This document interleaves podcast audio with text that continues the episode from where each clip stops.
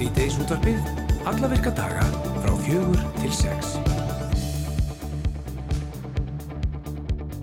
Og það eru Hrafnildur Haldarsdóttir og Andri Freyr Viðarsson sem eru með Sýteis útvarpið í dag. Jú, jú. Magni Hreit Jónsson, hann er eitt þeirra sem er á skriðuvakt viðastofunar, enda full ástæða til. Því að óvissustegi almannavarna er gild á Östurlandi vegna mikillar regninga og hættustegi er gildu vegna skriðuhættu á seðisfyrir. Og uh, það var nú uh, verið skriður víðar uh, á Östurlandi og uh, nú þegar búið að rýma nokkur hús, það var nú bara gett gær og hérna, já, við ætlum að fá nýjastu tíðindi frá Magnar Reynir sem að setur á fundi akkurat í þessum tölu orðum og það er stöðufundur í gangi sem að þeir sögðum er að geti dreigi staðis að langin en við heyrum í einhverjum af skriðuvaktinni í dag. Einmitt. Við viljum að heyra í okkar konu Akureyri Holmgjörnsdóttur, hún uh, skrappir í dag í samkamúsið og kíkti við á æfingu hjá tví eiginu hundi í óskilum, það eru Hjálfur Hjartarsson og Erikur Stefansson. Mm -hmm. Þeir eru semst að dusta reikið af njálu og hundaveði og, og nú á sínað fyrir norðan Já. og eru frumsýnt núna á förstæðin þar. Akkurat, uh, hún gíja verið svona einhvers konar fluga á vekk hérna í þann fjölugum. Já. Það uh, var spennend að heyra það. En nú regnir ásökunum yfir grínistan, leikaran og aðgerðasinnan Russell Brand. Og uh, Russell Brand hann er ásakaður um nöðgun, kynfyrirslega árætni og andlegt ofbeldi. Og um er að ræða hóp hvenna og uh, já, var einn þeirra aðeins 16 ára þegar brotið átti átt sér stað. E, og hingatil hefur já, Russell Brand verið ofbóðslega velliðinn í, í Hollywood og bæðið sem leikari og grínisti og, og hugsuður. Og það eru margir svona aðdándran sem að Já, reynilega að líta bara á hvert einast orð sem er leikur út af þessum manni sem heila hans sannleik og reyna bara reynilega að lifa eftir hans lífsreglum. En hugsanlega verður breyting á því. Hún Ingun Laura Kristjánsdóttir, að fréttastofur úf, hún ætlar að koma til okkar eftir og hún ætlar að segja okkur uh, sögun af Russell Brand og rýna þessi stöðuna sem uppu komið. Í kvöld verður búið upp á tónleika með tónlist frá frumbyggjum Amazon, nána tiltekið af Húni Kún ættbálknum og auktónlistar þá ætla meðlumir að segja sögur af forfæðrum og uh, við ætlum að spyrja hérna í sýttisúttarnu hvernig þessi hópur tengist Íslandi. Mm. Hún veit allt um það að hún Björg Fríður Freyja Elistóttur ætlar að setjast hjá okkur eftir og segja okkur það. Já, þetta er spennandi. Já. Um, sjönda þáttaröð Kveiks hefst í kvöld og um, eins og fólku veit þá er Ingólu Bjarni Sifússon, hann er eitt sem stýrir þættinu Kveik og hefur alltaf verið duglega að kíkja enga til okkur í sýttisúttarnu til að segja okkur frá því hvað er að gerast í þættinu hverju sinni og uh, við ætlum að hita upp fyrir fyrsta þáttinn af þessari sjöndu þáttaröð í kvöld með Ingóli Bjarnar og nýjum liðsmanni sem er Kristín Sigurðardóttir. Hún er nýja stelpan á, í, í kveik. Já, það verður spennandi. Já, já. Já, En við ætlum hér á eftir að eh, já, hvað ég var að segja, fá fréttir af því. Því fyrir í dag urðu stór tímamót uh, í gömlu höfnin í Reykjavík við Faxagard, því þá var fyrsta skemmtifæraskipið uh, tengt við Ramagn og það er nú búið að býða eftir þessu. Heldur, betur. Reykjavíkingar og, og fleiri að tala um bláa reikin sem að hérna, hvað ég var að segja, líður um lofti fyrir ofan skemmtu fyrir að skipin Akkurat. og ég, til með sé þetta mjög oft þegar ég fyrir golf á korpúlstæðavellinum þá sé maður, mm -hmm. fyrst sá maður alltaf svona eitt og eitt skemmtu fyrir að skip já, já. núna er alveg bara höfnin er bara tróðfull einmitt, ég er stundum að horfa alveg 34 skipar át um eftirflugana með sko. Já, það er alltaf þetta spúir þessum bláa regn. En við erum líka mikið búin að fjalla með þetta hérna í sýtisótturfinu mjög mikið. Hvenar það eru hægt að sýti samband og Já. nú er bara greinlega komið þessu og vonandi að þetta sé komið til að vera og öll skip í framtíðinni getur tengt sér við þetta. Já, en hún ætlar að setja sér okkur eftir smá stund. Hún Þórtís Lóa Þóraldstóttir hún er stjórnanformaður Faxaflóa Hafna og auðvitað oddviti viðreysnari Reykjavík og ætlar að segja okkur betur frá þessu eftir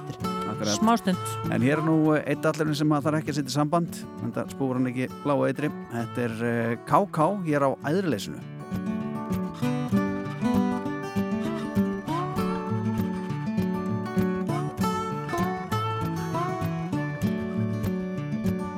Út á æðurleysinu ég ræ.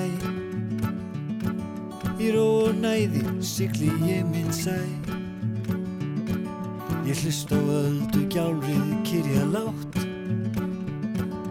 Hvernig er hægt að efa öðru mátt sem yfir skipa mér á sess Einfallega þess.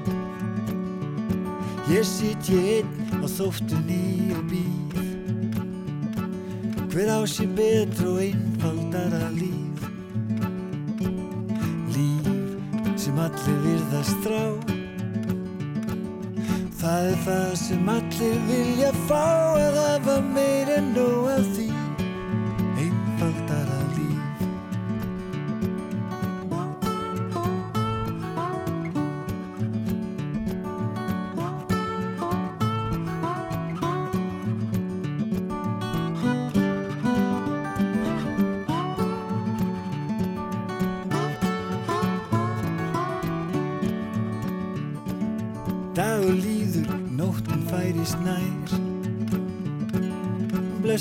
sólinn, kissir rauðan sæ. Ég sigli höfn um leið og sólinn sest. Út á sjó er gott að vera en heimi best Ég finn það fyrir rest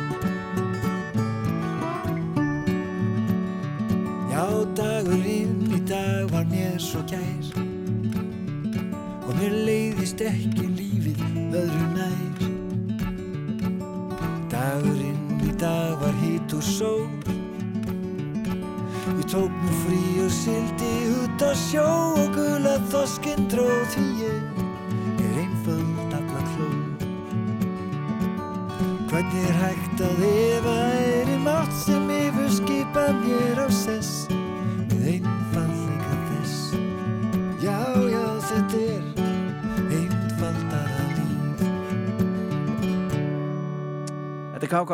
og lægið á æðrleysinu. Emi það. En eh, fyrir dag þá eruðu stór tímamót í gömlu höfninni í Reykjavík við Faxagarð því að þá var fyrsta skemmtifæraskipið tengt við Ramagn og eh, Faxaflóa hafnir eru þar með ein af tveimur prósentum hafna á heimsvísu með slíka tengingu og það er náttúrulega alls ekki stór tala. En hún er komin ykkar Þórtís Lóa Þóraldsdóttir, stjórnaformaður Faxaflóa hafna og átviti viðræstnar í Reykjavík. Velkomin og til hamingi með daginn. Takk fyrir það. Þetta veri, þetta er náttúrulega stór tíðindi bara fyrir okkur öll, er það ekki? Jú, þetta er svona eitt af þessum skrefum sem við erum að taka. Uh, þetta er nú svona, svona, sko, svona ferðalag sem hefur, er alveg spyrjað en að því að við erum, að, við erum búin að vera að tengja sko skip og svo var svolítið stór stund í lók síðasta árs þegar að eitt af flutningaskipum Eimskips var líka tengt við Ramagn. En þetta er fyrsta skemmtifæraskipi og í dag var bara stungið í samband á 500 farþegarskipi við gamlu höfnina Og þetta er bara partur af reysa verkefni sem við erum í núna næstu árin að landtengja öll skemmtifæraskip. Já. Sko, þetta er 500 manna skip. Uh, maður gerir ráðferði þegar stærri skip með nokkur þúsund farþegum þurfum við tölvöld meira ramagn. Uh, langt ferðala segiru, Já. en hvenar heldur að við getum bara tengt hreinlega öll skip og þeirra koma kannski þrjú, fjögur skip og þeir eru bara öll sett í samband og hreinlega satt bara nei takk við skip sem að takk ekki ramagn. Já, það steyttist í það, því að við erum í rauninni sko skilirt samkvæmt ES uh, hérna, samþýttum til þess að gera það fyrir 2030. Já. Þannig að við erum með planum það. Sko sundahöfn er stóra, stóri bakkin okkar, það sem stæstu skipin okkar fara og svo höfum við verið að nota miðbakkan eða faxagarðin þar sem við vorum í dag. Uh, stóru skipin, þetta er bara eins og að setja í samband eitt, eitt lítið eða eitt stórt sjáarþorp. Já. Þetta eru nokkuð þúsund manns með manna mús, skulum við segja og það erum við að fara að gera á næstu fjórum árum.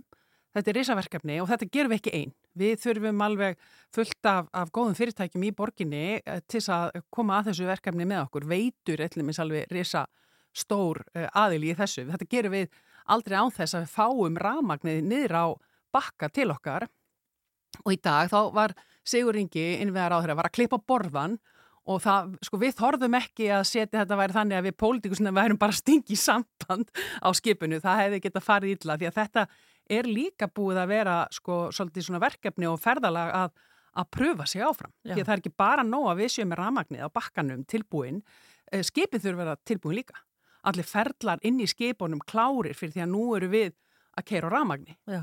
Þannig að þetta er búið að taka 2-3 skipti á svona pröfu. Þannig að við byðum rosa spennt. Og þú veist í dag eh, með það hvort þetta myndi eh, sko bara reynilega raungirast, mm -hmm. þetta var æsi spennandi fyrir okkur sem vorum að undirbúa þetta og ég tala nú ekki um fyrir starfsfólkið.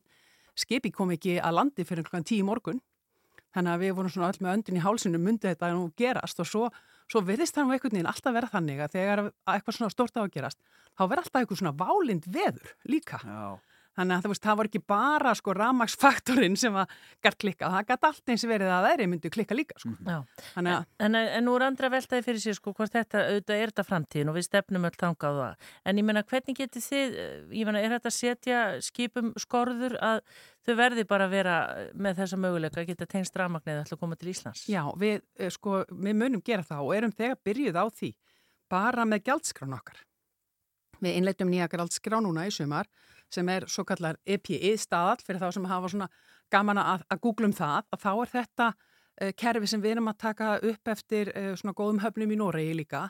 Og þetta þýðir það að þau skip sem menga minna uh, koma inn mögulega á ramagni í fremtíðinu og keira út á ramagni og ég tala nú ekki um þau eru bara farin að vera á ramagni, ég veit ekkert í hvaða framtíð það er en við mhm. erum alltaf að tala um þetta á nær ströndum okkar að þau skip sem eru þar, þau fá afslátt á verskráni Þannig að þetta er sannlega eitthvað sem að hérna, skipa eigendur og, og rekstraræðilar munu líta til. Og svo hérna, er það ekki búið þá í framtíðin að vera hér með mengandi skip. Og þetta mm. ánáttúrulega ekki bara við um fagsaflóhafnir, þetta ánáttúrulega við um allt landi í kring því að þetta er þangað sem við erum að fara. Mm. Hvernig, veistu eitthvað um stöðuna á, á landinu, bara öllu? Því að ég veit að þú náttúrulega, er, þitt svæði er höfubrókarsvæð en veistu hvað er að frétta á norðan? Nú, þekk, nú þekki ég það ekki alveg. Nei. Ég veit hins vegar að það var skemmtifæraskip tengt við ramagn í, í Hafnafjörðahöfn í fyrra. Já. Þannig að þetta er í annars skipti sem að hérna, þetta er gert í dag en í, í okkar skipti núna þá voru við rauninna að výja sko, hvað ég var að segja, veitustöðina, rammags veitustöðina sem er komið neyra á fagsakarð mm -hmm. og hérna þetta snýst um það að koma þeim upp og eiga nægt ramagn. Mm. En eru sem sagt stóru skemmtifæraskipin þessi stæstu, þau fara í sundahöfnuna? Já. Og þar er bara, er einhver, einhver ári að þetta veri tilbúið? Já, það, það er nú bara á þryggjára planinu. Já. Þetta er reysa framkvæmt. Þetta er svona, maður, þetta er hérna, já, þetta er í rauninni heljar einar framkvæmt sem þarf að undibúa gríðala vel og, og, og enn og aftur ekki bara okka megin, heldur líka sko skipafélaga megin.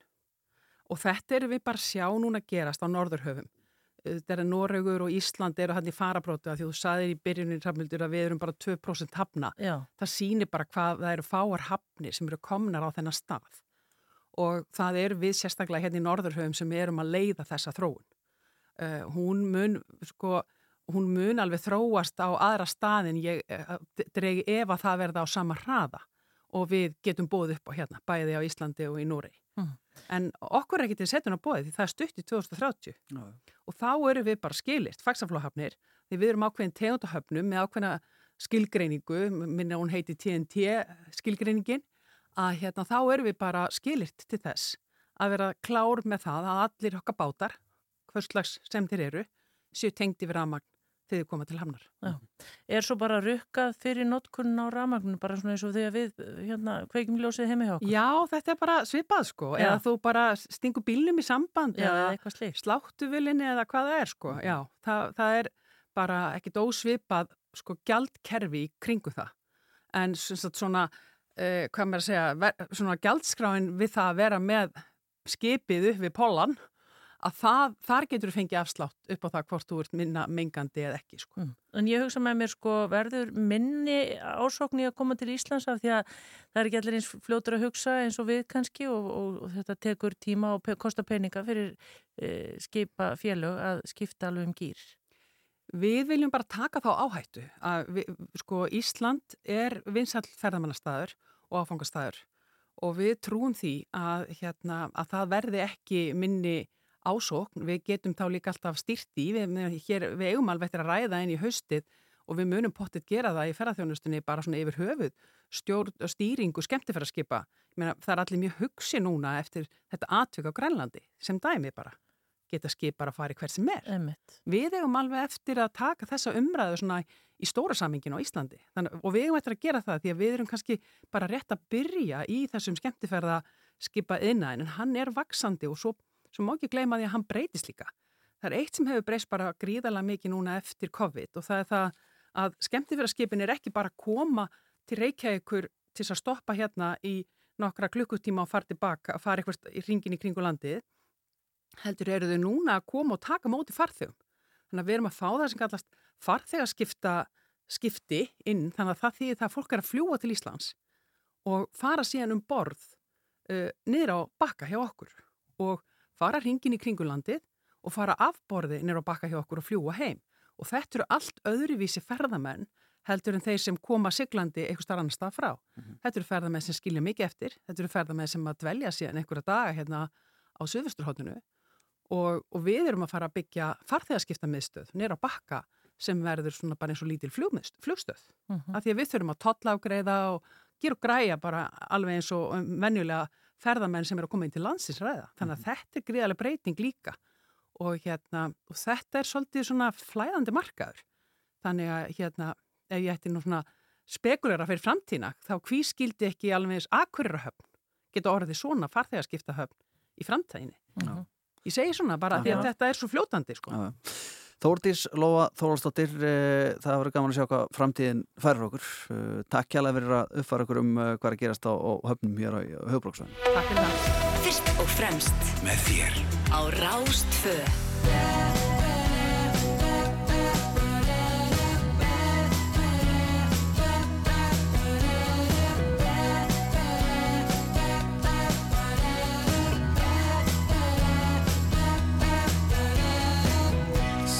Francisco Bay, house B39, early PM, can't remember what time.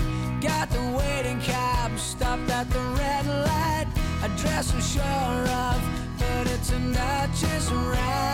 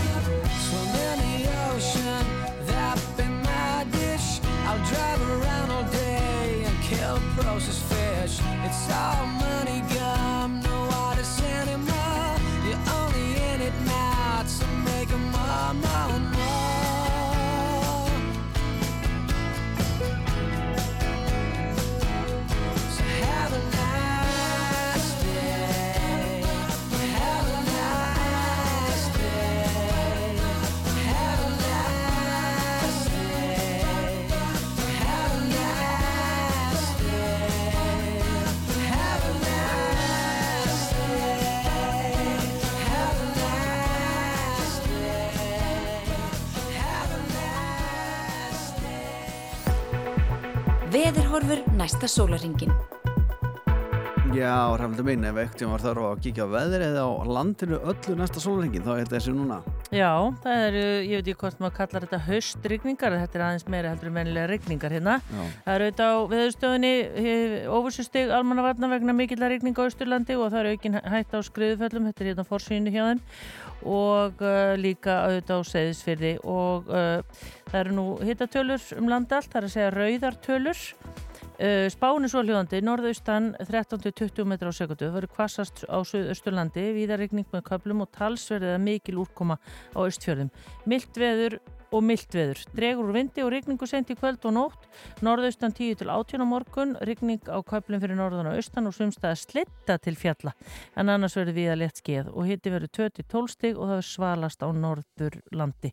En það er semst talað um það bara í nótt eða svona miðnætti að þá einu að draga úr þessari úrkomu sem betur fer. Já, Hmm. akkurat eh, eitt og annað sem er nú gengið á á þessum degi eins og allara daga, þessum degi 19. september og uh, það var einmitt árið 1939 hrandur, það sem að þíski kafbáturinn U-30 sem að sögt hafi breska farþæðarskipinu Athenia á fyrsta degi setni heimstildarar uh, þá kom þessi kafbáturinga til Reykjavíkur með þrjá slasaða menn og uh, þeir eru sem slasast þegar að kafbáturinn gerði árás á breska flundingarskipið uh, vestur af Brellandi og ímyndað er sko 1939 þá búa kannski tæplega 40 mann sem búa hérna á höfuborgarsvæðinu á þessum tíma og ég man nú þegar kom kafbátur yngar fyrir ekki löngu síðan svona 1-2 ár síðan Mm. mm. þrjú kannski og kafbátur sem var að koma hérna og var að leggja hérna landi hérna við, við, ykkur höfni hérna í Reykjavík Ramax?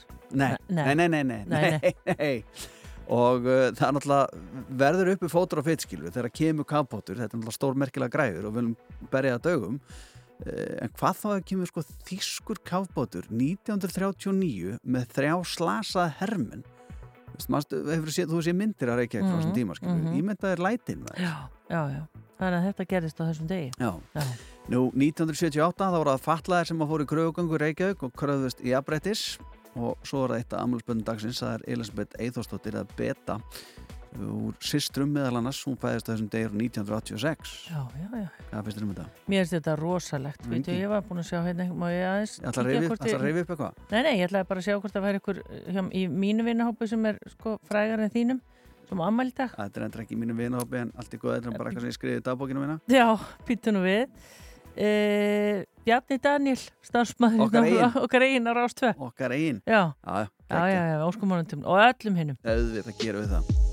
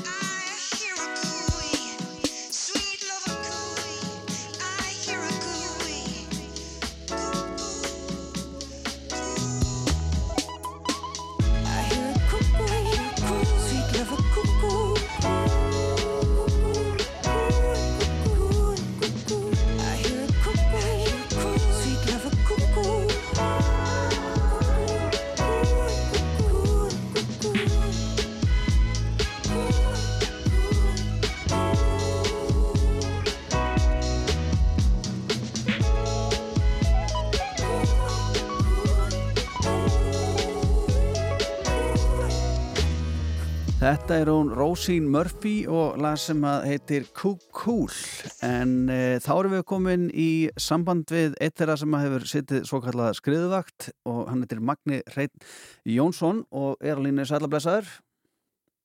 Já, sæl. Hvað, e, já, hver eru svo nýðjustu tíðindi af örskriðum og öðru sem að tengist e, þinni vakt?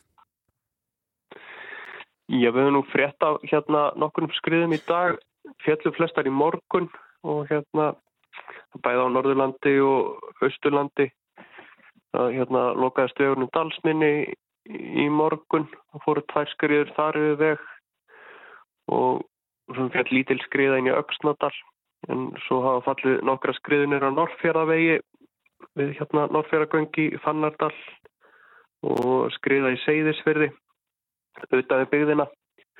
Og hérna og þessar skriður hafa svona flest, langt flestar fallið fell í morgun og, og svona ekki, lít, ekki verið mikil tíðindi af, af skriðuföllum í dag.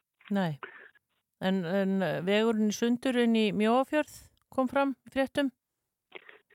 Já, það er svona, svona þær fréttir sem við fengið er það vegna vatnavexta en, en það er svo sem getur líka verið skriðahætt á þeim vegi. Já, getur þú útskýrt aðeins fyrir okkur svona bara í stöðtum áli hvernig, hvernig þið fylgist með þessu? Uh, sko, við höfum svona metið þetta, ja, í gær var matið bara fyrst og fremst byggt á veðusspá sem er spáð mikill úrkomið bæði í gær og í dag. Og svo í dag höfum við bara fylgst með úrkomumælum fyrst og fremst og, og fengið fréttir af, af þessum skriðum Við erum svo með mælitæki bæði á Seyðisfyrð og Eskifyrði svona til að fylgjast með hreyfingum í hlýðinni og grunnvarstöðu og, og við notum þau líka svona til að metta stöðuna. Já. Mm -hmm. En hvað segja svona eitthvað spálíkun? Heldur þetta sé, svona það vest að sé á staðið eða er, er von á meiru öldru? Það er farið að draga úr úrkomu á Norðurlandi En, en það rignir ennþá fyrir austan og, og það er ekki spáð að fara að draga úr úrkomar áður fyrir eftir miðnætti. Mm -hmm. Þannig að, að það er alveg viðbúið að falli áfram svona skriður eins og hafa verið að falla eða fjall í morgun. Svona farvega skriður. Já. En, og svona svipari stærð. En þeir eru ekki trætt kannski um að einhvað stórt fara af stað eða hvað? Við höfum, nei, við erum svona fyrst og fremst að svona hafa ágjörð að þessi farvega skriðum sem eru, já, eins og ég segja á þessari stærn. Mm -hmm. En svona hvað, svona segja þínir kollegar og þið náttúrulega spáið eh, mikið í, í, í bæði úrkomu og veðfari og öðru eh, að því að þetta verist vera svona, já þetta verist vera orðið ansi algengt, eh, öðskriður og, og ég menna það er nú ekki langt síðan að, að seðfinningar lendu aldrei sýt líði, en er þetta eitthvað sem er bara reynilega komið til að vera og er viðfær bara orðið það breyta, við þurfum bara að fara að venjast þessu? Þannig eftir að skoða betur en það talið svona þessi úrkomu atbyrður hafi svona 25-50 ára endur komið tíma. Þessi mikla úrkoma stá Östurlandi og þetta hefur líka væntilega verið sólarhingsúrkomu með þetta á Akureyri síðasta sólarhing og hérna en við gerum svona alveg ráð fyrir því að svona atbyrður verði algengari bara með breyttu loftslægi. Já. Þannig að verða, þetta verða algengari og þá stýttist þá þess endur komið tíma þessum atbyrðum. En svona allavega næsta, hvað ég voru að segja, næsta sólarhingina fylgjast vel með fréttum og, og bara að fólk kannski bara haldi sig aðeins til hljás á þessu sveðum. Já, ég held að. Já. Magnir Reyn Jónsson, takk kjælaður spjallið og, og gangið vel á vaktinni. Takk fyrir það. Bless, bless. Bless. Rástvö Síðdeisútvarpið Hæfileg blanda Frá fjögur til sex á Rástvö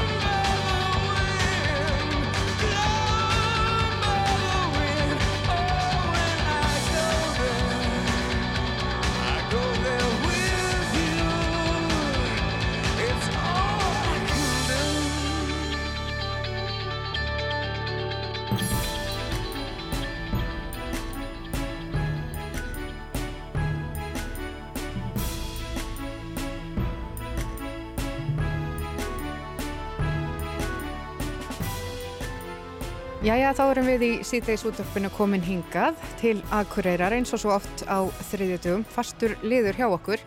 Við stöndum hérna núna fyrir utan samkomuhúsið, þetta gullfallega hús og það stendur hérna á merki fyrir framann, vikt 23. desember 1906. Það er frekar þung skíjað hérna fyrir eh, á Akureyri í dag. Algjörlega skíin eru bara hérna niðri alveg í fyrðinum og pollurinn er líka alveg drullu brún. Það er allt vatnið sem er að koma hérna úr ánum. Glera og hann var alveg svo kókamjólk fannst mér þegar ég kerði fram hjá henni í gær allavega. En ekki meira um veðrið þó að það sé nú alltaf skemmtilegt umræðefni. Ég ætla að fara hérna inn í samgóðumuhúsið út af því að það er nefnilega frumsýning núna á föstudaginn. Fyrsta sýning vetrarins.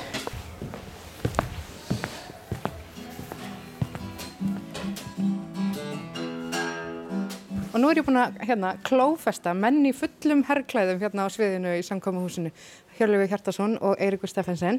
Njála á hundavaði, eh, frumsýning núna á förstudaginn. Hvernig líður ykkur? Okkur liður bara vel, bara mjög spenntir fyrir frumsýningunni á förstudaginn. Ég segi það sama, ég er bara mjög spenntur. Við á vísu eh, höfum frumsýnt þetta áður í borgarleikusinu. En, það er nú komið svolítið síðan, var það ekki? Jú, það er að verða tvö, tvö ár síðan sko, þetta gekk nú í tvö, leik, vetur í borgarleikusinu. En uh, þetta er auðvitað uh, okkar heima völlur, leik, uh, leikusið á Akureyri, þannig að þetta er frumsýning, já. Já.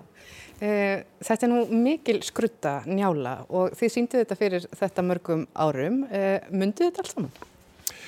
Já, svona mestu leiti, sko. Við, við erum svona náttúrulega búin að vera hérna í viku með, með hérna ásand leikstjóranum okkar Ágúst Skúladóttur og leikmyndahönniði Þórunni Maríu Jónsdóttur.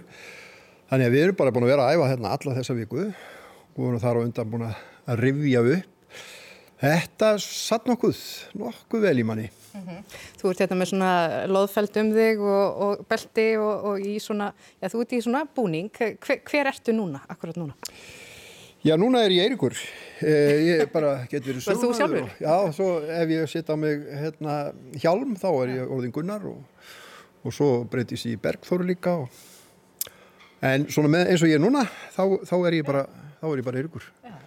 En hvert er svona uppáhalds uh, gerfið þetta að, eða sem sagt personan til þess að bræða þér í? E, það sé ekki mörður? Mörður Gíja, nafni minn? Nei, ekki mörður Gíja, nei, mörður Valgarsson. Já, já, já. Hann, já, já. Hann sé ekki uppáhaldið, sko. En hjá þér? Ég, já, sko, ég held mest upp á njál, bara svona í sögunni. En uh, svo eru nú skemmtilegi karakterar í síningunni, það er til dæmis, til dæmis vígarrappur, mér finnst hann vera skemmtilegur. Svona auka persóna sem að kemur og setur allt á annan endan. En þetta er svo, er svona fjörug síning hjá ykkur. Hafið þið aldrei rugglast í, hvernig þið skiptið á milli karaktera og svona? Nei, við höfum held ég aldrei rugglast alvarlega og ef við rugglumst þá tekur enginn eftir því vegna þess að við bara snúum okkur út úr því. Þetta er ekki það nöyið sko. Nei, nei, nei. Um, frumsýning núna á förstu daginn er bara allt orðið tilbúin og bara það þarf svona pínu að slípa vélina eða? Já, það, það má segja það. Þetta við erum að máta okkur í, sé, í þetta rými sem er svolítið öðruvísi heldur en fyrir sunnan, aðeins mjóra og en, en hérna þetta smellur hér inn eins og, eins og ekkert sé sko. Það er nú alltaf spurt út í andan í samkómuhúsinu, er ekki voðalega gott að leika hérna? Það er rosalega gott að leika hérna. Þetta er, þetta er náttúrulega æðislegt hús, alveg geggjað sko. Og líður alltaf vel hérna. Frábært starfsfólk og, og, og þetta bara gæti ekki verið betra. Þetta verður rosalega skemmtilega frumsýning, get ég lofað ykkur. Uh, njál var þitt uppáhald, má ég heyra pínu njál? Já, já, njáll, já, ég verð að segja það, sko, haf ég einhver tíma brillarað af alltingi Íslendinga, þá var það núna. Og mörður, kontum með mörð? Mörður, já, hann er nú svona frekar, frekar svona rifin persóna. Já, ég myndi segja það. Svo ætlaði að leifa okkur að heyra hérna eitt lag í lokin. Já, Úr síningunni. En takk fyrir spjallið, uh, Hjörleifur og Eiríkur. Gangi ykkur vel á föstudaginn og bara lifi njála. Já, takk fyrir. Það kannski má geta þess að sko þetta, það sem er að gerast núna, það er, þetta er alveg í upphafi Já. að sko hrútur kemur frá Noregi eftir að hafa verið hjá svona einhvers konar viðhald eh, Gunnhildar drottningar og hún er búin að leggja á hann ákveðna hluti þannig að hann ga- gagnast ekki unni og, og þetta er svona svolítið söngur sem tengist tví. Glæsilegt. Við hlökkum til að heyra.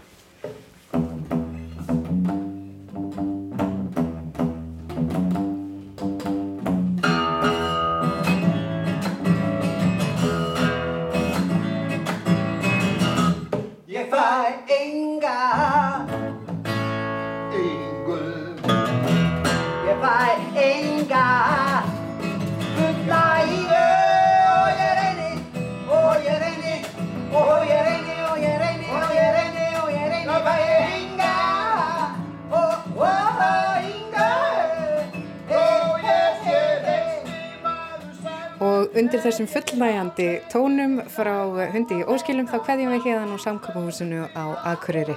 Og ég, Gíja Hólkistóttir, þakka fyrir mig við heyrumst aftur í næstu viku.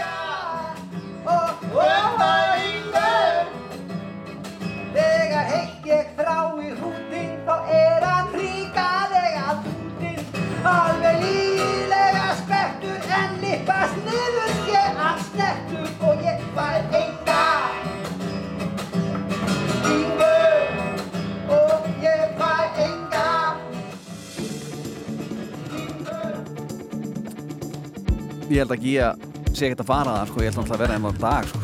Þetta eru stór skemmtilegir kappar þessi tveir. Já, heldur betur. Það er nóg framöndan í sítisútarpinu. Við þetta að tala við hana Ingunni Lári Kristjánsdóttir fréttamann um uh, nýjustu tíðindi af Russell Brand, uh, maður sem að uh, hefur nú bara verið kallar algjör meistari undanfærin ár, en uh, það er nú ekki allt sem sýnist þar. Það. Svo ætlum við að fræðast um frumbyggja Amazon af hún í kúin ættbálknum því að hluti þeirra er komin til Íslands. Já, já, einmitt. Bjóða upp á veislu í kvöld. Þetta eru nýjir Íslandsvinnir. Já, einmitt. tökum þeim auðvitað fagnandi eins og öllum öðrum og uh, talandi um vini á kveikur aftur af fyrir loftið og uh, það er sjöunda seri hann er kveik sem hefst í kvöld. Ingólu Bjarni kemur eftir og hann tekur með sér nýjanleismann. Þetta er hún, uh, já, Kristín Sigurdóttir sem er nú aldeilis ekki nýji fréttum Nei, en, nei. Hún er nýji kveik. Hún hoppaði þarna bara á milli þilja. Jú, jú, jú, jú, jú, jú. Eins og fiskur í vatni. Já, heldur betur. og þau koma eftir og segja okkur aðeins frá efnistökum þáttarins í kvöld.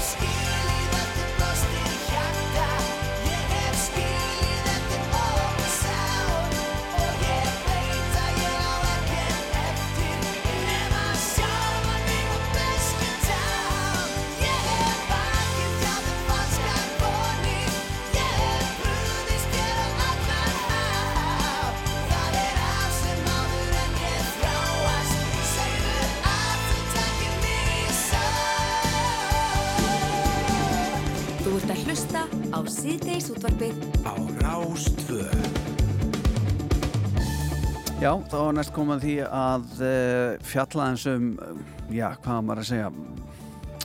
Umdeldan mann. Já, ég ætla nú að segja föllnu stjörnuna Russell Brand en Já. það er útlit, útlit fyrir að svo sé því að það eru, já, þó nokkrar konur búin að ásaka hann um uh, reikala glæpi og þar að meðal nöðgun og kynferðislega áreitni og, þetta hvað og uh, þetta er náungi sem að hefur verið ansi vel liðin í Hollywood undanfærin ár og ekki bara í Hollywood, það er bara Já, hann er allstað vel tekið og hann er bæði búin að vera náttúrulega grína, grínisti, hann er búin að leika í, í, í, í mjög mörgum gríðalega vinsalum kvömyndum og uh, hann er búin að vera með sína eigin þætti líka Hlaðvarp, eitthvað, útvarp, já, allt YouTube saman. líka, byrjaði held ég að MTV en, en árum fyrir maður að segja eitthvað bölva að vilja hérna, þá er Ingun Lára Kristjánsdóttir, hún er með þetta allt á tæru, sælublessu, velkomin Já, komið sæl og blessuð. E, Er þetta ekki nokkur rétt hjá okkur? Þetta er búið að vera mjög svo vel liðin einstaklingur og, og Mhm. margir hreinlega bara kalla hann algjöran meistara. Finnst Já. hann vera svo klár. Sjarmerandi, Já. finnst hann vera, sko, hann er svo góð ræðumadur. Akkurat. Hann hefur nefnilega, eh, var einmitt sko rosa mikið í svona alls konar svona pólitík og var svona rosa mikið að tjá sig um alls konar málum og fólk fannst hann vera svona, já hann hefur nú eitthvað sko, til máluna að leggja. Hann Mm. hefur svona svolítið töffari. Já. Var að hrista upp í fólki í Hollywood og svona. Mm. Og það er einmitt, þetta er hátt fall uh, mann sem að var einmitt vel liðin í langan tíma en kannski kemur ekki, kannski hendilega fólki á óvart sem hefur fylst mjög vel með honum alveg frá upphafi svona til, já, enda getur við sagt og líka sko síðustu ár hann hefur svolítið breytt um stefnu hann er ekki jafn mikið svona í Hollywood og uppistand hann hefur verið mjög mikið eins og þú segir í svona hlaðvarpi Já. og ég man að ég byrjaði eitthvað að horfa hann fyrir nokkru mánuðum og mér fannst hann vera að fara svo mikið út í alls konar samsæriskenningar og svona rosa mikið að tala um eitthvað svona veist, big media, conspiracy og, og da da da da da Mhm. og, og bara svona já ok, áhugavert hann er ekkert lengur svona eins og maður mann eftir hann svona einmaður Katy Perry og svona þessi sjarmerandi svona breti sem fór til Hollywood. Já, já. en þetta er nefnilega, þetta er rosaleg hérna, rannsókn, þetta voru sem sagt fjórir stórir, eða þrýr stóri fjölmiðlar í, í Breitlandi sem að byrtu heimildamind eh, bara núna um daginn sem fjallar um sem sagt, fjórar konur eru að saka hann um kynferðsofbeldi og nöðgun og þetta voru hérna dispatches sem eru, það er svona eins og eh, svona rannsóknar þáttur hjá Channel 4 og svo er hérna The Times og Sunday Times Já. og það sem er áhugavert við þetta með Channel 4 er að þessar ásakanir um, eiga meðal annars hafa gerst innan bygginga Channel 4 Já. að þetta eru ásakanir sem að um ofbeldi sem á að hafa átt sér stað milli svona 2000 og 2013 Mhm. það var náttúrulega svona þegar hann var á bara svona sinni leið upp Já. Hann að byrjar hann eins og þú segir þarna, er í uppistandinu og hann er í alls konar þáttum svona Mhm. auka þáttur sem tengjast Big Brother eða munið til þeim þáttum Já, einmitt. og, og er svona, svona þessi, þessi stjarn á leiðu upp og, og þetta er það sem gerist á þessum tíma að það eru fjórar konur sem að eru að vinna þarna, eru í framleiðslunni eða eru koma einhvern veginn að vinnunni og svo þegar þeir til Hollywood eru í einhverju svona framleiðslu, oft ungar konur sem að eru svona aðstóðarkonur, eru hoppinn með, með kannski fötinn eða eru að aðstóða í framleiðslunni og Mhm. yngsta var einmitt 16 ára þegar hún segir að þetta vatt sér stað Já. og já, þetta er bara svona, þetta eru svakalega rásakanir og það er stígar þarna fram og þessi heimildamind er, ég menna, var vissi fólk að það væri verið að gera þessa mynd eða kom þetta bara öllum á ofurum eða hvað? Þetta kom svolítið fólki að óvörum og, og eftir að þessi mynd kom út þá eru núna, eins og gerist alltaf þegar einhver er, er sakar um ofbeldi þá er fólk að rifja upp alls konar sem að maður kannski myndi ekki eins vel eftir. Það er alls konar svona skot úr, úr uppistandinu manns sem hann er hreinlega að, að grínast með að, að fara yfir mörg hvenna og veist, að nöðga og, og drepa jafnvel og fólk Já. er svona að, að svona rifja upp þetta. Og eitt svakalegasta úr uh, heimildamyndinni þá er spilaður sérst kapli þegar hann er að spjalla við Jimmy Savile við munum eftir Jimmy Já, Savile sem ég man eftir honum. Jú. Þarna lést áður en að sko, þessi sko, stórfælt brotans gegn börnum kom í ljós og hann var þetta er viðkvæmt fyrir brest samfélag því að Jimmy Savile, hann var náttúrulega líka hjá BBC Akkurat. og all, þessi brotir að gerast hjá stórum fjölmiðlum í Breitlandi, Channel 4, BBC Já. þannig að þetta er, það er verið að svona rífa upp gömul sár Já. og þannig er spilað eitthvað spjall hans við Jimmy Savile þar sem hann er, þeir eru reynilega að djóka með að að Jimmy ætli að hérna, brjóta á aðstóarkonu Russell og hann býðist til að mæta með hana bara nakta til hans og þetta er, ó, þetta er svo óþægilegt Það er bara gæsa þú sko. Hvað hérna, eh, sko, eh, þegar svona verður, þegar nú er búið að spila hana þátt Mhm. og uh, nú er, eins og þú segir, nú er fólk svona að keppast við að, að svona kíkja gamalt efni Mhm. og, og lesa aðeins öðruvis í orðans en kannski það var gert upprunlega. En hvað með eins og bara allar þessar streymisveitur og allar sem halda utan um efnið hans, er núna, Mhm. því að það er nú stundu tíðkast sko að það er, fólki hefur hreinlega bara verið cancela sko stutt eftir að svona hefði gerst, hvað er með Mhm. til dæmis eins og YouTube og, og já, þeir sem er hýrða kannski þessa podcast þetta hans og já, allt Já, þetta fólk það er náttúrulega, nú, nú er það sko alveg mismunandi, annarkvort er fólk að mynda að loka á hann og það er verið að hætta konar þætti. Hann er áfram með sínar uh, svona stöðvar, allavega á nokkrum stöðum sem hann er að byrta sjálfur bara um daginn, bara held ég fyrir tveimu dögum, þá byrta hann yfirlýsingu þar sem hann var að segja ég hef alltaf verið mjög opinn um hvað ég er lauslátur en þetta hefur alltaf verið með samþykki og eitt sem er svolítið áhugavert við þetta er að hann er með risa stóran hóp stuðningsmanna Mm. út af því að hann er búin að sapna þessir þessu fólki í gegnum hlaðvarpi sitt Já. og það sem hann talar alltaf um í hlaðvarpinu sínu er að fjölmiðla ljúa og það eru, sams, eru samsæriskenningar og hann er raun að segja að það er eitthvað meira bakvið þetta, þetta er bara hérna, big conspiracy, allt gegn mér. Eitt stórt samsæri. Já, og hefur talað um þetta í mörg ár. Hann hefur alltaf talað um svona stór samsæri í fjölmiðlum, Mhm. þannig að auðvitað er hann núna með sína stöðningsmenn sem er bara sjáu þið, þetta er það sem ég er búin að vera að tala um allan tíman og nú er það að snúast gegn mér því ég er komin of nálagt sannleikanum hver sá Já, sannleikur á að einmitt. vera. Já, já, já. þannig að ég, maður býst veginn við að viðbröðin verði bara mjög sko klár og, svona, og bara fordæming Já. en það sem ég er að sjá, sérstaklega á TikTok er að hann er með mjög stóran háværan uh, stuðningsmannahóp Já. sem eru bara, hann er búin að tala um þetta í mörg ár Akkurat. nú er þetta bara sannleikunum komin ljós það Já. er bara allir á móti rössul því hann Já. er svo nálægt þessum sannleika Þannig að hugsanlega er þetta bara þullskipula tjánum og búin að vera undirbúa nákvæmlega þetta í einhver ár. Einmitt, þetta, þetta er bara, þetta er svo skrítið og umræðan er, hún er komin, uh, hún er komin svolítið langt í Breitlandi, sko, þetta máli er svo stórt að Rísi Súnak forsættis á þeirra, bara hann fann sig knúin til að tjá sig um máli og sagði þarna að, að þessir fjölmiðlar, Channel 4 og BBC, að þeir ættu, að- ættu að hefja rannsókn uh, í þessi mál, uh, í þessi kynferðisbrot og þetta ætti að vera gagsæ rannsókn, það er að vera opið út af því að breytar eru svo brotnir eftir Jimmy Savile. Mm. þessi, þessi stjarnar sem allir treystu á Já, já. sem að fengu einmitt svona uh, já, já, brutu á fólki sko innan þessara stopnana Já, já. Það er einhver sem svo- nefndi við okkur í dag sko að hann hafi meira sér sendt leigubíl frá BBC eftir einhverjum stelpum Já, eða já, eitthvað slíkt. einmitt. og, meðan hann er í vinnunni. Veist, úf, þetta er svo, þetta er svo hrikalegt því að maður á að treysta þessum stóru fjölmiðlum. Og þetta er mjög mikið af ungu fólki sem að vil koma sér á framfæri.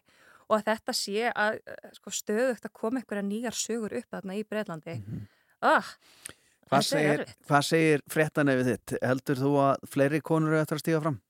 Já, mér finnst það líklegt.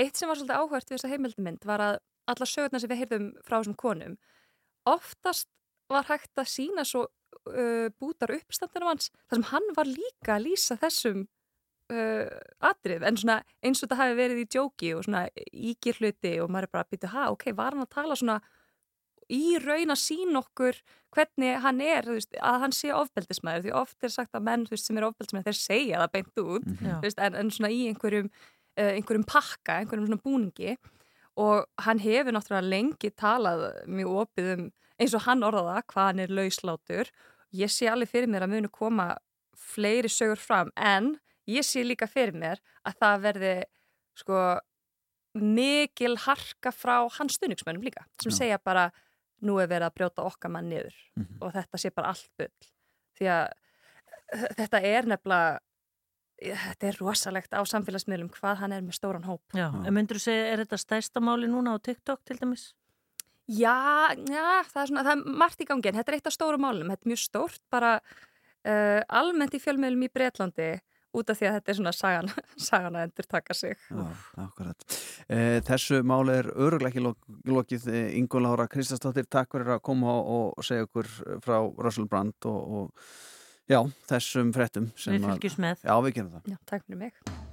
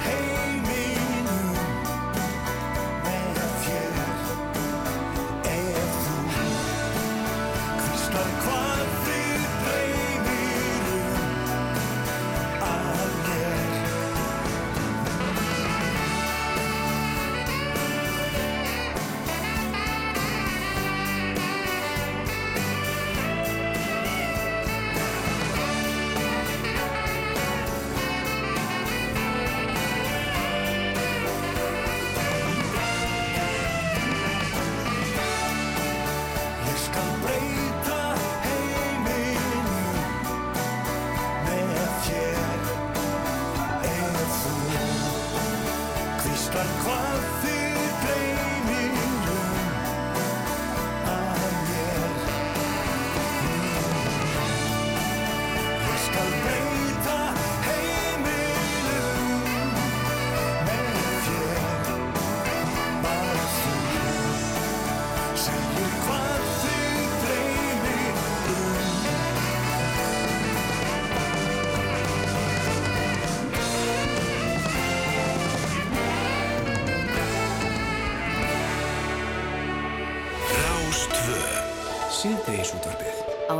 Rástvö Summer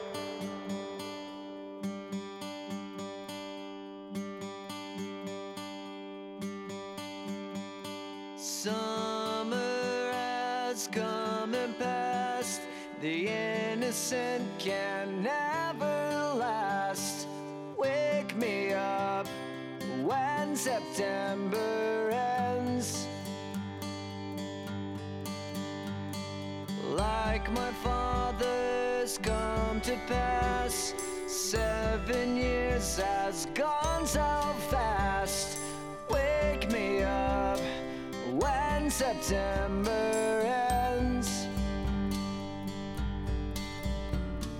Here comes the rain again, falling from the stars, drenched in my pain again, becoming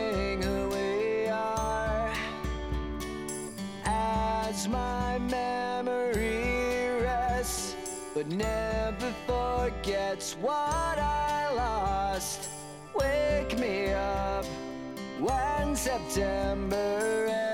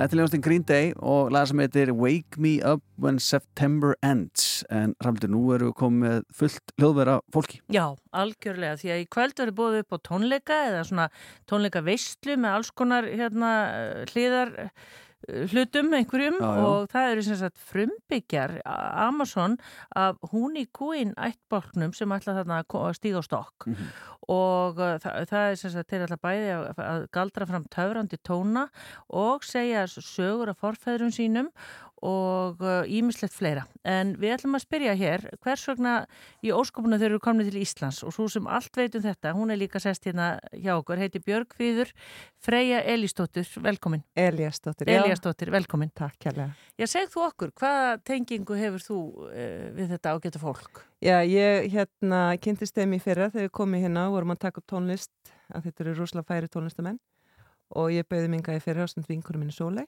sem þekkir uh, þetta þorp vel. Og svo fór ég í janúar til Amazon sem Brasilia í Amazon og dvaldist ég á þessari fjölskyldu sem ég er með hérna í mánu, það er semst höfðingin Kasiki Nassau og svona Tjana Úri og Tjana Mana sem eru tónlistamennir og eru leitor tónlistamanna hérna í öllu héræðinu og svo komið núna með heilara með sér líka sem heitir Sía Já. Sko, þannig að mjög marga spurningar sem vakna þegar að maður fær svona gesti til sín og e- eins og Mm. þú með hérna hópa fólki sem er bara úr Amazon frumskoðun Mm. með þér. Uh, við erum stöðt hérna Íslandi í september. Mm. Uh, hvernig, þú veist maður svona ímynda sér sko þegar að þú einhvern veginn hefur samband þegar já gæs, það er bara að mæta hérna á klakan bara í september og það er gig sko Pettersson svítunni, uh, þá, þá fer fólki vantilega að pakka niður þú veist hvað, þú uh, býður þú með dúnúlpunar þegar sömur eru hérna í dúnúlpum Mm. og svona þeir eru ekkert að pakka þessu Nei, niður nei, það þurfti bara að klæða það á flugvillinu sko. Já, akkurat, akkurat. Já, þetta var auðvitað bara veður sjokk Já.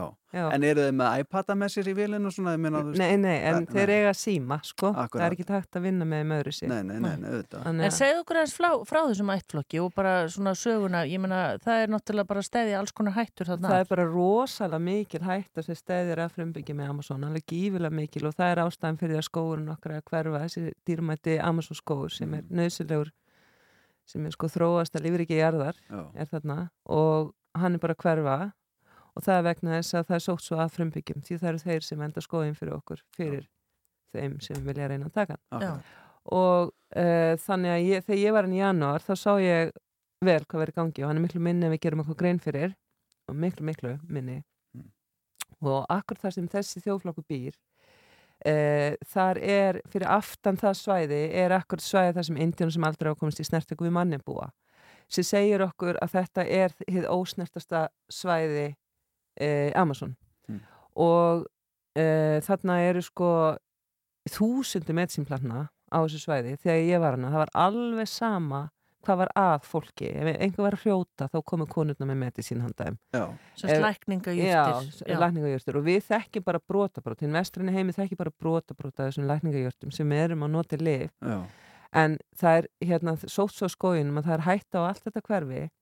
En hérna og, og líka þekkingin á að nota þetta og hvernig á að nota þetta. Og þessi menn hér og þeirra ættbalkur hefur það er þeirra sko bara þeirra koltur er að þekkja þessa meðsimplantur út og inn algjörlega Og þeir gera það, ég meina þegar þú kemur hérna inn bara á, árum við settum ljóðanumur í gang Já. þá varst þú að byggja um pappír, þú kvefuð og þá að verða að blása mitt hérna bara fyrir utan Já. einhver upp í Já. nefið þeir til að losa stíflu já, já, Já. og ég fekk dropi í augun í morgun því ég var með hitta, nú er hann farinn Já, hérna. og hérna og það er bara alveg saman hvað það er en hérna svo er það tónlistin þeirra Já, já. og svo er það hérna uh, sem er rosa mikilvæg og dansarn þeirra, Mhm. tungumál þeirra Hutchie Queen, hann Mhm. er kennarinn í, í Hutchie Queen sem er og, og hérna og þetta er bara það sem þetta snýst allt um þeirra menningu og gleði Já. þegar þeir eru að spila tónlist, það eru að miðla gleði Mhm. þannig að þeir tala aldrei neikvætt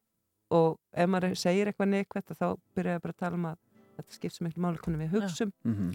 þannig að þegar þeir eru að syngja þá eru þeir að miðla, segja þeir ég er bara að segja hvað þeir segja, þá segja þeir segja miðla orku kólibirfuglsins til okkar sem fer til inn í hjarta okkar til, þess að opna hjarta okkar fyrir kærleikanum fyrir náttúrunum og ég sitt hérna og segi það og fólk bara já, ég er mitt, ég hvet bara fólk til að koma í kvöld á tónleikana Já. og finna þetta sjálf Við skulum sko hlýða á smá brot hérna, nú hérna undir hjá okkur er, er hljómar sem sagt tónlist eh, sem mun hljóma á, á þessum tónleikum í Pettersónsvítunni eh, Hlustum aðeins á þetta og, og svo segir okkur nána frá þessu. Við erum að hlusta á almeðlega á smá brot að þessu leiðina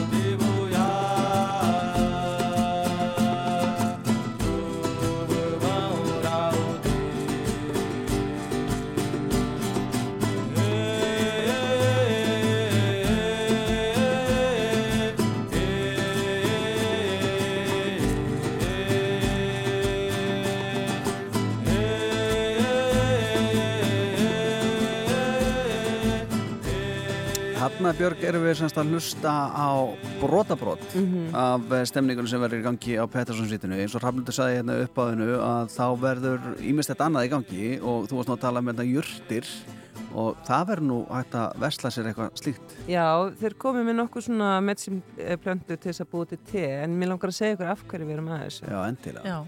Eh, það er vegna þess að þegar ég var núti þá sá ég hvað neðin mikil og það er verið að dæla miljónum miljónum í Amazon Rainforest Foundation það eru alþjóðstofnunir að reyna að gera einhvern til þess að bjarga skójunum okkar og hann bara minkar ár frá ári og það er vegna þess að eins og ég sagði að frumbyggjarnir eru í hættu þeirra, þeirra líf, hvernig þeir lifa hvernig þeir venda skójun okkar. Og þetta verkefni snýst um það að styrkja samfélagið þannig að þeir sjálfbarnina og, og, og hérna að venda plönturnar og það er verið að gera graskarða þeir eru að taka alla medicinplöntun og skójunum að byggja upp graskarða með allir þorpunum. Það er verið að koma allri þekkingunni nýr í bókvært form. Það er verið að byggja upp skólan svo að hægt sé að öll börnin í meðfram allri ánu geta komið í skólan svo að þekkingi glatist ekki.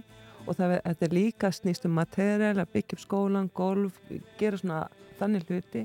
Þannig að það styrkir allt samfélag. Þetta styrkir unga fólki að því að það rosalega fáir í dag sem eru ennþá með þessa þekkingu Já. þannig að vera komin til unga fólksins og vera að styrkja samfélagi leginni, Mhm. skilji ég Hvernig uh, tjáuð ykkur? Ég meina, nú eru þeir, þið skilja ekki ennsku og maður reyna að tala við þeim. Hvernig komist þið áfram hérna? Veist, er þið með tólk eða? Nei, ég er bara eitthvað svona Eða bara handapatt Ha, og... Google Tradutor Já. og hérna svo Sim Þetta er, BM. þetta er alveg þeirra eigin tungumál. Já, ég er alveg fann að skilja fullt sko. Já. Ok. Já, en Hotsu Queen er auðvitað þeirra móðumál en, en auðvitað, þú veist, kunnaði portugalsku Já. og hérna uh, en já, þetta er bara mér langar bara að segja að þetta verkefni er þessna er ég fáðangað og þessna er, er þeirra kominga Mhm. til þess að, að leita stuðnings þannig að við getum fara að styrkja frumbyggja samfélagum beint Já. Og þetta verkefni þannig að svona, það er kveikt í húsin okkar og það er, er þetta heimil okkar að brenna, það er nú Mhm. bara þannig þá fáir vilja sjá það raunverulega Mhm. að þá skiptir máli sko hvar við slokkum eldana þú veist, allir, allir góði slökkulismenn vita það, skiptir máli hvar við slökkum eldana og þetta verkefni er þannig að það raunverulega hefur mjög mikið að segja fyrir allt samfélagið og algjörlega út Já. þannig að og ef við, gerum, ef við hjálpum þeim til að vera sterk þá ná þau að venda fyrir okkur þennan skó sem er fyrir aftan þau og þar sem þau búa Akkurat. Best að hafa slökulismannin við húsi sem er að brenna en ekki í öðru landi ventala þannig að það er um að gera Já. að styrkja þetta samfélag og uh, Þetta er í kvöld í Pettersensvítunni klukkan Já. 8 Já. og það er bara að mæta með góðaskapið, er það Já, ekki? ég stopnaði almanahillafélag sem heitir Amazonia Iceland Alliance og allur ákvöðun sem kemur hana þeir beint inn á þetta og beint. Ég er að vinna í sjálfbáðavinnu þannig að það fer engin króna í, í fína sér ekki jeppa. Nei. en það verður ekkert við hann að gera. Fallegt verkefni, takk kærlega fyrir komuna Inga Björg, uh, Fríður, Freyja og bara góða skemmtun í kvöld. Og við hvetjum bara fólk sem er ekki búið að plana kvöldið. Skella sér í Pettersensvítuna. Takk fyrir komuna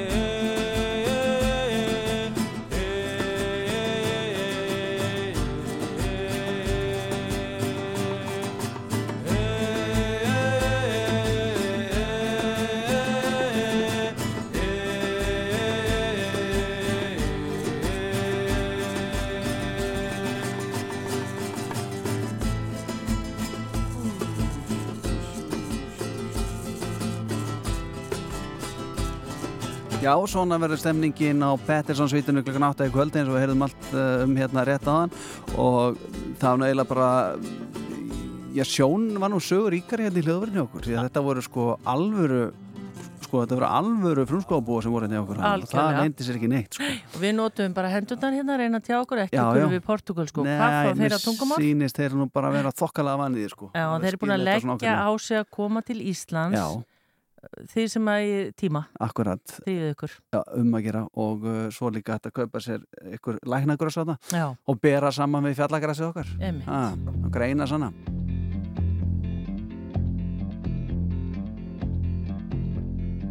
My house in Budapest, my, my hidden treasure chest, golden grand piano, my beauty focus EOU. Ooh, you, ooh, I'd leave it all. My acres of land I've achieved. It may be hard for you to stop and believe, but for you, ooh, you, ooh, I'd leave it all.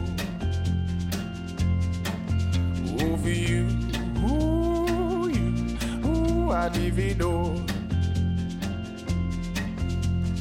Give me one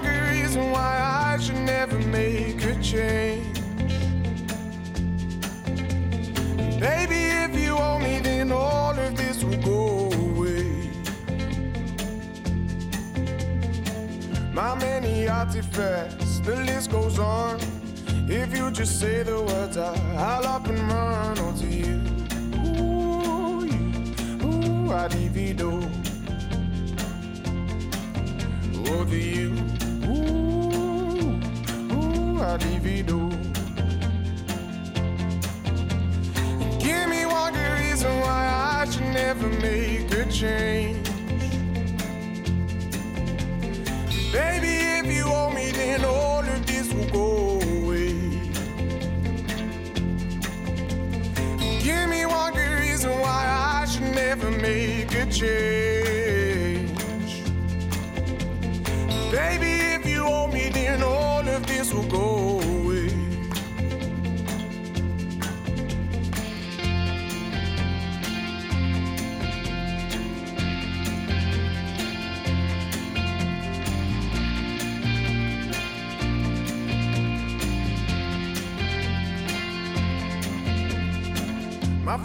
family they don't understand. They fear they'll lose so much if you take my hand, but for you, ooh, you, ooh, I'd lose it all. Ooh, for you, ooh, you, ooh, I'd lose it all.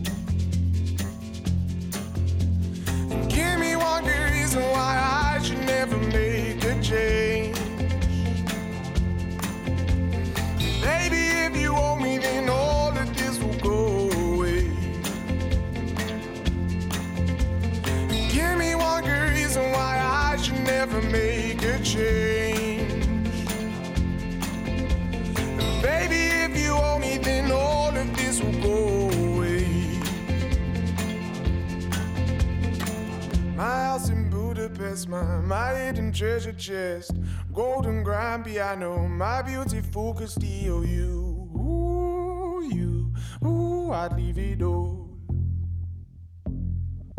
Ooh, for you, ooh, you, ooh, I'd leave it all. Rástvö, fyrst og fremst með þér. Við erum Rástvö.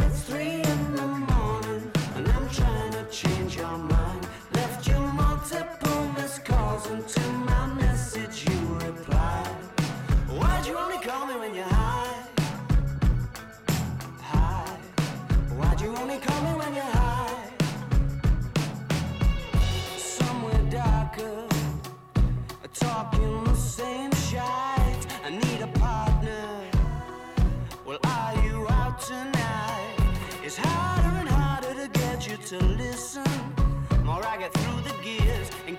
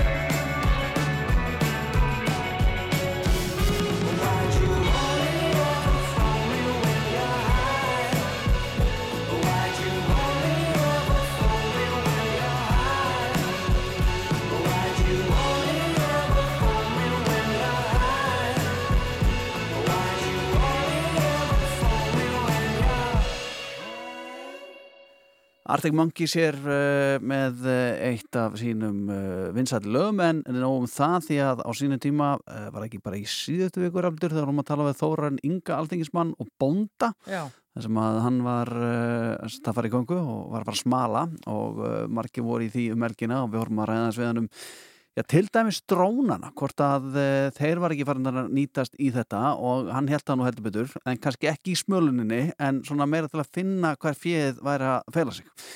E, nú er Erika Ögun hérna í frett á bændablaðinu sjálfsögðu og hérna var að tala um sko notkun dróna í kornrækt og undanfærin ár þá e, hefur það fæst yfir auksta drónar sem nýttir því ímessa verka í landbúnaði, þetta veitum við náttúrulega, og í þeim tilgangi til að spara tíma og vinna á því að auka sjálfvirkni og nú er að fjallum það hérna á Farmers Weekly sem er væntalega á bændablaðið í Brellandi það var að fjalla um svona tilrunir og reynslusögur breskra bænda sem að hafa verið að nota dróna við sáningu úðun og áburðadreyfingu í kortrækt hugsaður og uh, svo líka hafa drónaði verið að nota til þess að fylgjast með uh, vakstarraða, rakastígi og framgangi uppskeru og ökrum hjá bændum Mhm. þetta er ekki magna Magnaði svo drónaðir. bara sko næst hver veit er að við förum kannski á ásótti sítið svo þar sem eitthvað tjánum Breitlandsegar og, og ákveðum að keira um eigarnar og þá erum við bara að sjá sko agrana og það er bara eins og það sé sko rísa bíflugur þá er þetta drónar sem, er eru að fylgjast með. Akkurat Já, þetta er áhugavert. Þetta er rosalegt með Ég sá hérna inn á veðgerðarinnar að vegna veðurstá er búið að loka veginum á milli Skaftafells og Jökulsárlón, Jökulsárlóns og hún er verið lokað og er ekki búist við hann við opni fyrir kl. 6 í fyrramálið. Það er nefnilega það. Já, já. Þetta er svona. Já, fólk er að fylgjast með núna, sérstaklega á flakki á milli bæja og hvað þá Það landsluta er bara í hérna, Petersens svítuna í kvöld. Akkurat, akkurat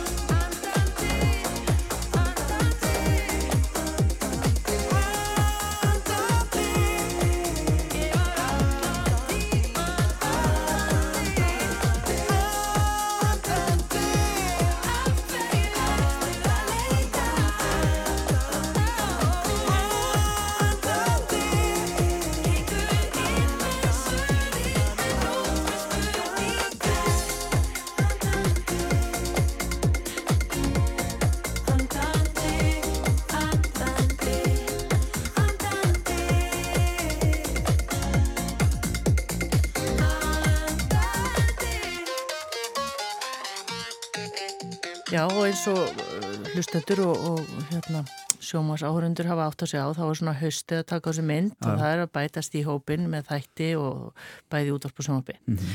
Og einn af því þáttum sem að hefst núna í kvöld er kveikur og það er sérst fyrsti þáttur haustsins. Og hinga eru komin Ingólu Bjarni Sigfússon og Kristín Sigurðardóttir. Velkomin. Takk, takk. Takk, takk. Kristín Íliðsmaður. Jú, einmitt. Kveik.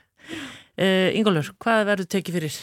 Já, við ætlum að vera með tvö mál í kvöld eins og við erum stundum. Eh, Í fyrri hluta þáttanins ætlum að fjalla um, já, kannski heiminn sem að börn búa í, sem er kannski svolítið mikið á marg, með margt ólíkur þeim heimi sem að við ólust upp í sem að eldri erum, eh, ekki síst út af samfélagsmiðlum og snjáltækjum og fókusun er á börn sem brjóta kynferðislega á öðrum börnum sem hljómar einhvern veginn alveg galið, maður heldur að börn, þá ung börn, bara í yngri hluta grunnskóla hafi hvorki þroska við ímyndunaraflinni annað í slíkt en uh, það er því miður þannig. Uh, af þeim málum sem berast barnahúsi er þriðjungur vegna brota barna, þá vísu barna undir 18 ára aldrei á öðrum börnum og stór hluti af því er bara vegna þess að krakkar, ungir krakkar sína sér hægðun og gera eitthvað sem er ekki í samræmi við svona þroska og, og það sem við viljum að gera og margt sem bendir til þess að þetta sé ekki síst komið til vegna þess að það hafi heldur versnað og síð og þessi brot verði grómari vegna þess að við setjum í hendur þessara krakka ja, pípu sem að dælir óhefti yfir þau alls konar upplýsningum sem þau ráða ekkit við að vinna og reyða skilja. Og þá er ég að tala um snjálfsímana og spjaltölvurnar og kannski hversu meðdalaus við oft erum um, um hversu stutt það er yfir í uh, algjört ógeð og uh, krakkar náttúrulega er að læra þessum aldrei með því að prófa og fatta hvernig hlutinni virka og alls konar svona verður þeim fyrirmynda hegðun. Þannig að við erum aðeins að skoða þetta og tala um aðdögg sem að hafa komið upp uh, og hvernig er, hvað er hægt að gera, hvernig tæklum við það ef að krakkar, krakkarnir okkar eru varnir að sína einhverja skrítna og, eðlilega hegðun? Og hvar veitum við hvað er sem mörg liggja, hvað er eðlilegt, hvar, hvað er samt eðlilegt að gera, hvað er, er eðlilegt að vera í læknisleik, en hvernig er læknisleikurinn er orðin eitthvað annað en það sem að samramist aldrei á þroska? Um, passa kannski á vissan hátt inn í umræðinu sem hefur verið undanfærið um kynfræðislu í skólum uh, og kannski þó það hann svo sem ekki verið kveikjan að, umfjöldinu nokkar að svona vissan hátt undistrykar ákvöru það skiptir máli að krakkar fái réttar upplýsingar en sé ekki að í raun og veru kenna sér sjálf með því að horfa á í raun og veru bara klám. Mm -hmm. Eh, Sko maður eh, svona grunar það að, að stundum þegar að því kveik eh, var á kafið ofan í málinn þá kemur ymslitt ljós sem þið hefðu bara reynleiki hugmyndum mm -hmm. eins og með þetta er meira af svona tilfellum enn og bjóst við? Ég, ég skal bara viðkjanna að þegar að ábetingin barst mér sem var kveikjan hans er umfjöldin þá hafði ég reynlega ekki ímyndunarafl í að láta mig þetta í hug Já. og ég dætti hann ímislegt í hug svona eftir mörg ári í þessu en, þarna, þetta er svona eitt af þessum auglvíkum þannig sem að það eina sem ég dætt held í hug var að segja ha uh, og svo fyrir maður að tala við sérfæðinga og leitar aðlundur rannsóknum og reynir að finna hvað er til og þá kemur þetta í ljós að þetta bara svona óerskilega haugðun fer alveg bara niður í mjög bara niður í fyrsta og annabæk í grunnskóla jafnvel, og, hérna, og, og, og svona tilraunastar sem, er, sem er ekki, ekki, ekki holl og góð Mm -hmm. er bara förðu algeng og kemur oft upp og fólk uh, fer hjá sér og skamma sín og finnst að hafa klikkað en veit ekki alveg hvernig það á að tækla þegar eitthvað gerist og það sem viðmjölandir okkar segja er að málið er að grípa inn í og tala við krakkana en ekki láta þetta algjörlega uh, bara ekki grípa fyrir augumunn og eyru og láta eins og ekkit sé. Ekki gera ekki neitt. Ekki gera ekki neitt. Kristín, þitt uh, fyrsta umfjöldunamál? Já, ég er bara, mér er líðræði mjög hugleikið og hérna við búum í líðræðarsíki sem er náttúrulega greiðarlega flott. E, og við erum með 16% Íslandinga eru innflytjendur og mér finnst ekki mikið bera á þeim í svona á alþingi og viða og ég fór svona spána sér þetta, þau mæta síður að kjörsta og ég vildi fá að vita svona af hverju og maður heyr alltaf, já það er íslenska kunnáttan, ég vildi spyrja þau sjálf og ég talaði til dæmis við hana Sherry Rudd sem er frá Philipsi, sem hefur búið í Íslandi í 23 ár. Heyrum smá broti hana. Mér finnst það svolítið sorglegt að sjá að það hefur farið á þann leið núna hér á Íslandi. Við erum að reyna að vera alþjóðlegt en samt við erum að setja el, uh, fólk með erlendum upprunum til hlýðina og bara nota þeim þegar við, við, við viljum og þegar við okkur vandar þeim til að gera eitthvað fyrir okkur. Fólk sem eru lítil fólk eru gleym. Já, þannig að hún að tala um svona, þetta viðþór sem hún finnur fyrir sem innflýtjandi hér. Að innflýtjandur séu, jú, þau eru mjög góðið til þess að vinna alls konar störf sem við kannski viljum helst ekki vinna sjálf. Þau eru í allskeins matalafyrirtækjum, þau eru í reyngjörningum og, þrifum og ímiskonar leikskólanir og elli heimilin eru fulla fólki af ælundum uppruna Mhm. en og svo kemur að því að kjósa og, og hvað er það sem stoppar á, ég ætla náttúrulega ekki alveg að, að hérna, segja frá öllu sem kemur í einslæginu, en mér finnst ótt að það er ekki gefnur út einhverja skýslur, það fari eitthvað átak, en hver er niðurstaðan? Sko 42% innflytjenda kursi í já, sem eru með e, innflytjendur, hafa ég að þá foreldra sem eru fættir erlendis og ávar og ömmur sem eru fættir erlendis. Já. Og í sveitastarnakostningum er hlutfallið ennþá lægra. Getið þið giskað? Uh, 30? 14%. Já, það er, það er sáralítið. Það er rosalega lítið. Já. Þannig að það er ekki mjög líðræðislegt. Nei, þannig að þau kannski upplega það að þau séu bara hreinlega ekki með í þessu samfélagi. Já, það er, þau upplega þess að þröskulda. Já, einmitt. Spennandi þáttur í kvöld, það er sófinn og poppið og allt þetta. Já, já, er þetta popþáttur? Ég, ég, ég veit það Maður veit það Nei, ekki. maður veit það ekki. En Ingólu Bjarni og Kristín, takk fyrir komuna. Takk.